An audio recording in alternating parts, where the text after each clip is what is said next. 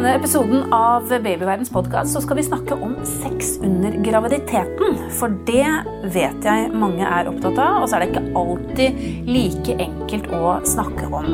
Jeg heter Karine Næss Frafjord, jeg er redaktør i Babyverden, og jeg er hos uh, Anette Hegen Mikkelsen. Hun er privatpraktiserende jordmor i Ås, og jeg vet at du er veldig frittalende, Anette. Ja, jeg er kjent for det, da. når det gjelder dette med sex og, ja, ja. Og, nærhet, og hva kan vi gjøre og hva kan vi ikke gjøre under graviditeten. Ja. Så jeg tenkte nå får, vi, nå får, vi, snakke om det. Nå skal vi snakke om sex. Mm. Um, og jeg vet, uh, for det er, dette er noe man diskuterer mye på forumet til Babyverden. Ja dette med eh, starten. Ja. Eh, man er så redd for å ødelegge noe. Så når man på en måte har testet eh, mm. positivt gravid, mm. endelig for mm. mange, mm. Så tenker man 'ikke rør meg', for Nei. her skal vi ikke Nei, og Det der er jo så eh, veldig vanskelig, fordi at en periode da når man har lyst til å lage barnet, gjerne, som eh, for folk bestemmer jo gjerne selv om dagen når de vil ha barn. Så da har man jo eh, hatt det veldig hyggelig og vært veldig nær partneren i en eh, forholdsvis lang periode, kanskje. Og så kommer man dit hen at man tester positivt på graviditetstesten, og det er jo en veldig flott ting og en veldig stor ting for de aller fleste. Og så slår hormonene inn både her og der, for å si det sånn. Eh, hos mammaen så blir det jo gjerne sånn at man kan eh, kjenne at nå er lysten på sex forandra seg veldig. Nå tør man ikke mer. Man er veldig redd for at det skal gå noe galt. At det f.eks. For i forbindelse med samleie skal bli blødninger og bidra til abort osv. Så sånn. Og mannen også på sin side eh, glad for å skulle bli pappa, men eh, samtidig veldig redd for å ødelegge noe. da. Mm. Sånn at det, det, kan bli litt sånn bråstopp i forhold til sexlivet eller samleie som nærhetsfenomen på et vis. I forhold til hva man har opplevd de siste månedene når man lagde babyen. Men bare la oss ta det, da. Kan man ha sex eh, når man har blitt ja, gravid? Ja, man kan jo det. Eh, men det er veldig mange par jeg sitter og snakker med om akkurat dette her. Eh, og når jeg har eh, pappaene med på de, gjerne på de første svangerskapskontrollene Det syns jeg er veldig fint, for øvrig, for da kan man ta det opp som tema. Ja, Gjør du det? Ja, jeg gjør det. Ja. Og da er det en del pappaer som det virker som det er en veldig lett, lettelse å, å, få snakke om akkurat der. Og, og eh, det er ikke så lenge siden jeg hadde en far her, eller en kommende pappa, eh, som sa at det er mulig at dette jeg sier nå, virker litt snodig på deg, men du får bare ta det for det det er. Men jeg opplever at jeg er litt stor, så jeg kommer litt langt inn. Og jeg støter imot mormunnen, og jeg er livredd for at det skal gå noe galt. Og, og det er jo et veldig modig innspill, vil jeg si. Hvor man da som jordmor eller, eller lege for den saks skyld rett og slett må snakke om at ja da, penis er jo relativt stort i forhold til skjeden. Men skjeden utvider seg jo også når man har samleie. Sånn at det kan ikke ødelegge noe uansett hvilken størrelse man har på penis på et vis. Så er det så mykt og utvida i skjeden at uh, man kan ikke ødelegge noe ved et vanlig samleie. Mm. Men uh, det, du var innom dette med blødninger. Det mm. er jo mange nygravide som opplever små blødninger. Mm, man gjør jo det. Og, og, det har jo naturlige årsaker, som vi har snakka om før. Men er det farlig? Nei, ikke når eh, Slimhinnene blir jo gjerne litt blodfylte, og hvis man har samleie, så kan det jo hende at det går små blodkar inne på mormor, mormormunnen. Har du hørt? Mormunnen. ja. ja. Og, og, at det blir en liten blødning da. Men, men, det kan man jo bli veldig redd av. Ja, det kan man bli veldig redd av. Men sånn friskt eh, blodstriper, altså veldig friskt blod, bare litt, er ikke farlig. Men eh, hvis man skulle abortere, så er det en annen mengde blod, en annen type blod som kommer også ut. Men jeg har aldri hørt noe om at et samleie kan bidra til at man har en at man får en abort. altså. Nei, Så selv om man har hatt samleie og begynt å blø litt etterpå, mm. så trenger det nødvendigvis ikke være farlig? nei. nei. nei. Mm. Men hvis man er usikker på det, så tar man kontakt med jordmora si eller nærmeste sykehus og får gjort en vurdering, en ultralyd, hvis man syns at det er ekkelt. Men altså litt blodspor etter et samleie er veldig vanlig. Du, Hvis vi snor det helt på hodet og sier Mm. at uh, jeg er så kvalm, jeg orker bare ikke å, å ha sex, Mm. eh, og mannen gjerne syns at uh, den gravide er det mest sexy på denne jorda akkurat nå Ja da, for det er det også mange menn som syns. Ja, Ja, ja. Det er jo mye følelser ute og går når man er gravid. Du nevnte jo hormonene, selvfølgelig. Men når, når mannen og kvinnen ikke helt spiller på samme lag og det du sier er jo veldig viktig i forhold til nærhet og avvisning.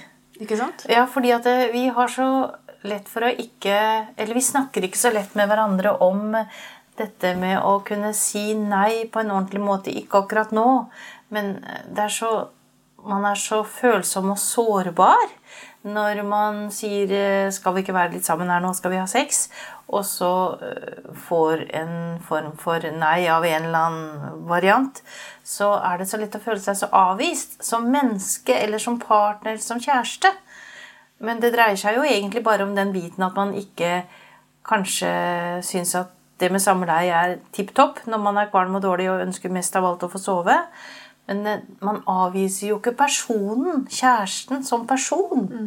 Hvis jeg klarer å beskrive forskjellen. Ja, for Er Ja. dette en problemstilling du også Ja, kommer opp i som Ja, jordmor? Du ser det? Ja, det syns jeg jeg ser. Og da gjelder det å koble inn, altså å tenke Kan vi være sammen på en annen måte? Kan vi ha nærhet til hverandre på en helt annen måte? Eh, vi trenger jo hudkontakt, og vi trenger nærhet spesielt nå i en, denne perioden hvor vi skal bli foreldre.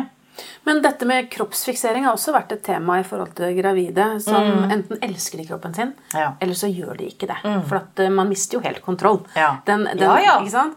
Den, eh, Lever sitt er- eget liv. Den eser jo ut, lever sitt eget liv. Eh, Kvinner som har et problematisk forhold til kroppen sin Mm. ved å miste kontroll. Eh, Ja, det, det tror jeg kan være ganske vanskelig i forhold til at selvfølelse, eller hvordan man opplever at man tar seg ut, har jo en del å si i forhold til hvordan man nærmer seg partner.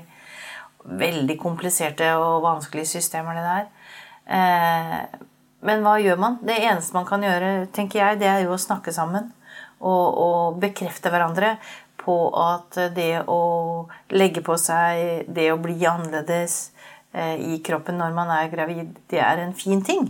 Det er jo et resultat av at man faktisk har hatt samleie, har hatt sex, at man ønsker å ha, få, ha og få barn sammen.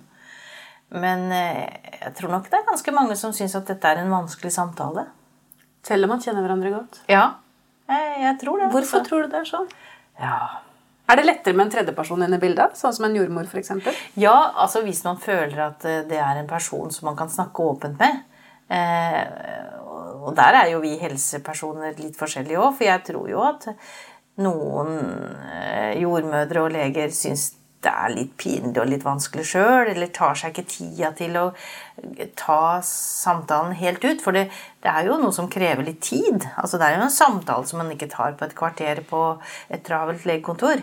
Det er jo en, eh, en samtale som eh, er litt krevende.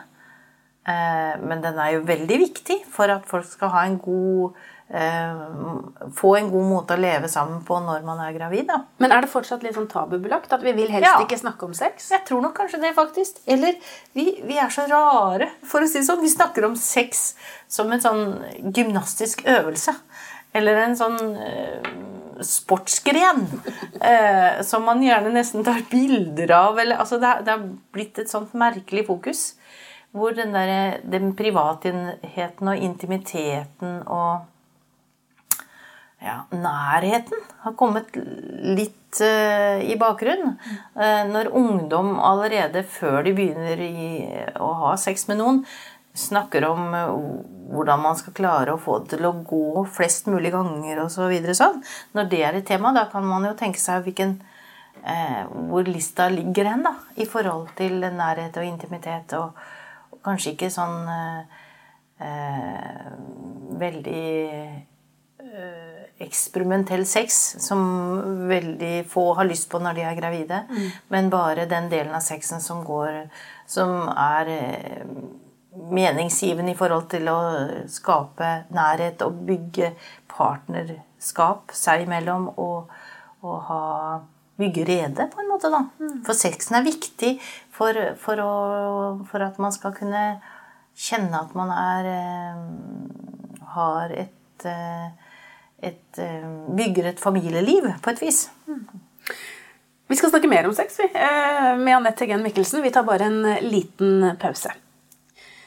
Ja, Vi snakker altså om dette med sex og ikke minst nærhet under graviditeten. Eh, jeg er hos eh, Anette Hegen Mikkelsen. Hun er privatpraktiserende jordmor i Ås. Og eh, vi har snakket om dette med sex tidlig i svangerskapet, når man er litt redd for å miste. Mm. For blødninger. Men så er det jo sånn at denne magen vokser seg jo til etter hvert. Da. Mm. Og da, da, er det jo kanskje litt sånn, jeg har i hvert fall hørt, spesielt for fedre, at at uh, det føles litt rart at det er en ja, tredje person ja, der. Ja, ja, ja. det er en med. Er en med. Men hvordan uh, kan man ha Hvor lenge kan man ha sex i graviditeten? Nei, vet du, det kan man jo ha helt til man får føderier, for å si det sånn. Uh, så lenge man ønsker, egentlig. Det som er, det er at til å begynne med så er det jo gjerne sånn at kvinnene er slitne, er kvalme og er veldig trette. og ikke har noe særlig behov eller interesse av sex.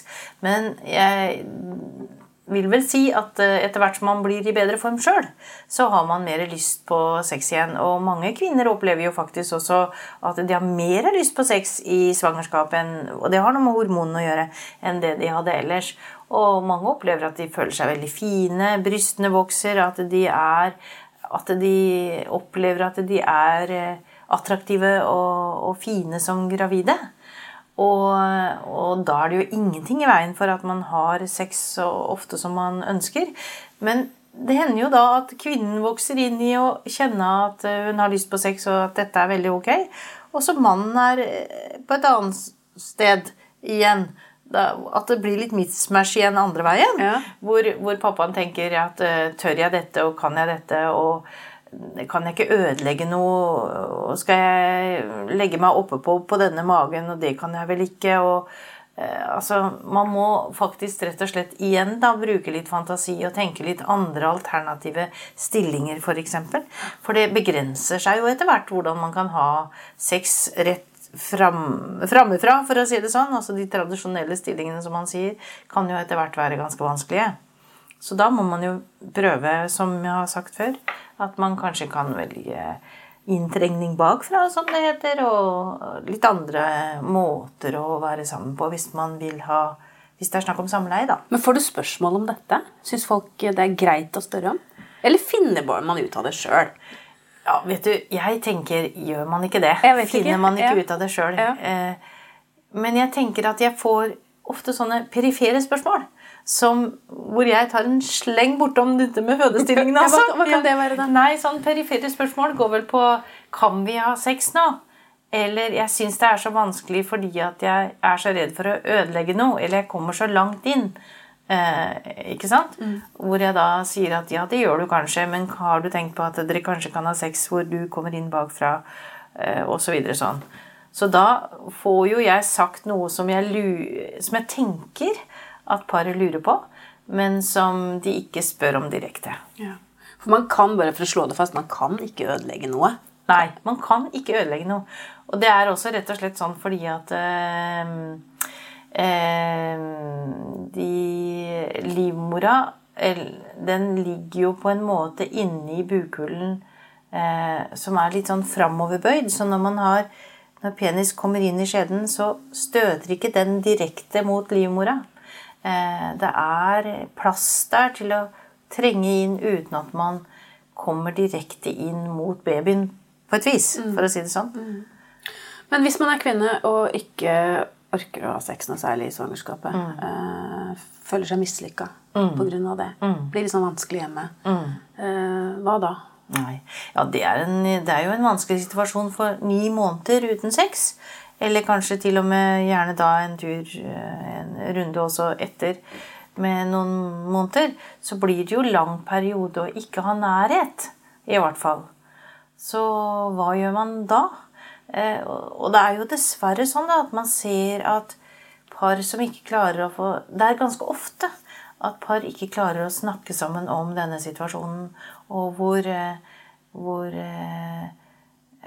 det å være gravide sammen og være småbarnsforeldre kan føre til at en av partene, det er vel gjerne mannen, da, eh, er utro.